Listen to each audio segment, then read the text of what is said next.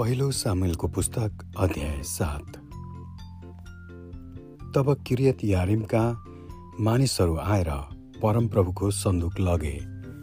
तिनीहरूले डाँडामा भएको अमिना दापको घरमा त्यो ल्याए र तिनका छोरा एलाजारलाई त्यसको हेरचाह गर्ने काममा अर्पण गरे।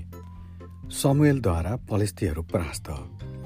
यसरी धेरै समयसम्म अर्थात् कुल बिस वर्षसम्म सन्दुक क्रियत यारिममा रह्यो र इजरायलका सबै मानिसहरूले शोक मनाए र परमप्रभुको बाटो खोजे अनि समयले समस्त इजरायल जातिलाई यसो भने यदि तिमीहरू आफ्ना पुरा मनले परमप्रभुतिर फर्कन्छौ भने तिमीहरूका माझबाट पराई देवताहरू र अस्तोरित देवताहरूलाई निकालिदेऊ।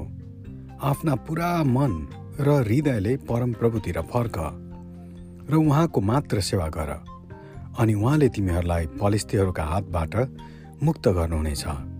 यसरी इजरायलीहरूले बाल देवताहरू र अस्तोरे देवताहरूलाई निकालिदिए र परमप्रभुको मात्र सेवा गर्न लागे।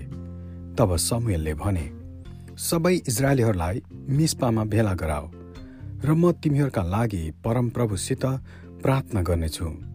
जब तिनीहरू त्यहाँ भेला भए तिनीहरूले पानी भरेर परमप्रभुको सामुन्य खनाए त्यस दिन हामीले परमप्रभुको विरुद्धमा पाप गर्यौं भनी स्वीकार गरी दिनभरि नै तिनीहरू उपवास बसे अनि समुएल मिस्पामा इजरायलका अगुवा भए। इजरायलीहरू मिस्पामा भेला भएका छन् भनी जब पलिस्तीहरूले सुने तब उनीहरूका शासकहरू इजरायलीहरूका विरुद्धमा लडाईँ गर्नलाई निस्के। पलिस्तीहरू अघि बढ्दै आएको कुरा सुनेर इजरायलीहरू डराए। तिनीहरूले समयलाई भने पलिस्तीहरूका हातबाट हामीलाई बचाउनलाई परमप्रभु हाम्रा परमेश्वरसित प्रार्थना गर्न नछोड्नुहोस्। तब समूहले भेडाका एउटा दुधे बच्चा लिएर होम बलि चढाए र इजरायलको निम्ति परमप्रभुसँग कराएर प्रार्थना गरे अनि परमप्रभुले तिनका प्रार्थनाको उत्तर दिनुभयो। तब समूहले होम बलि चढाइरहँदा पलिस्तीहरू इजरायलीहरूसँग लडाईँ गर्नलाई अघि बढे तर त्यस दिन परमप्रभु पलस्तीहरूका विरुद्धमा ठुलो स्वरले गर्जनुभयो र पलस्तीहरूका बीचमा खलबली पार्नुभयो। आतंकले भरिएर उनीहरू इजरायलको सामुबाट भागे। इजरायलीहरू मिस्पाबाट पलिस्तीहरूलाई खेद्दै निस्के र बेतकरको मुन्तिरसम्म उनीहरूलाई मार्दै रहे। त्यही नै मिस्पा र सेनको बीचमा समुलले स्मारक रूपमा एउटा ढुङ्गा खडा गरे।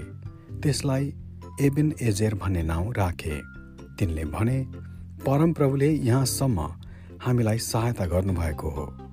यसरी पलिस्तीहरू बसमा पारिए र इजरायलको इलाकाभित्र फेरि पसेनन्। समुएलको जीवनभरि नै परमप्रभुको हात पलिस्तीहरूका विरुद्धमा रह्यो। उनीहरूले लिएका एक्रोनदेखि गातसम्मका सहरहरू फेरि इजरायललाई फर्काइदिए र इजरायलीहरूले छिमेकका इलाकाहरूलाई पलिस्तीहरूको शक्तिदेखि छुटाए अनि इजरायल र एमोरीहरूका बीचमा मिलाप भयो। आफ्नो जीवनभरि नै समेल इजरायलका न्यायकर्ता रहे। तिनले प्रति वर्ष बेथेल गिलगाल र मिस्पाको फेरो मारेर ती सबै ठाउँहरूमा न्याय गर्थे। तर सधैँ रामामा नै फर्कन्थे। तिनको घर त्यही नै थियो र त्यहीँ पनि। तिनले इजरायलको न्याय गर्थे। तिनले त्यहाँ परमप्रभुको निम्ति एउटा वेदी बनाए। आमेन।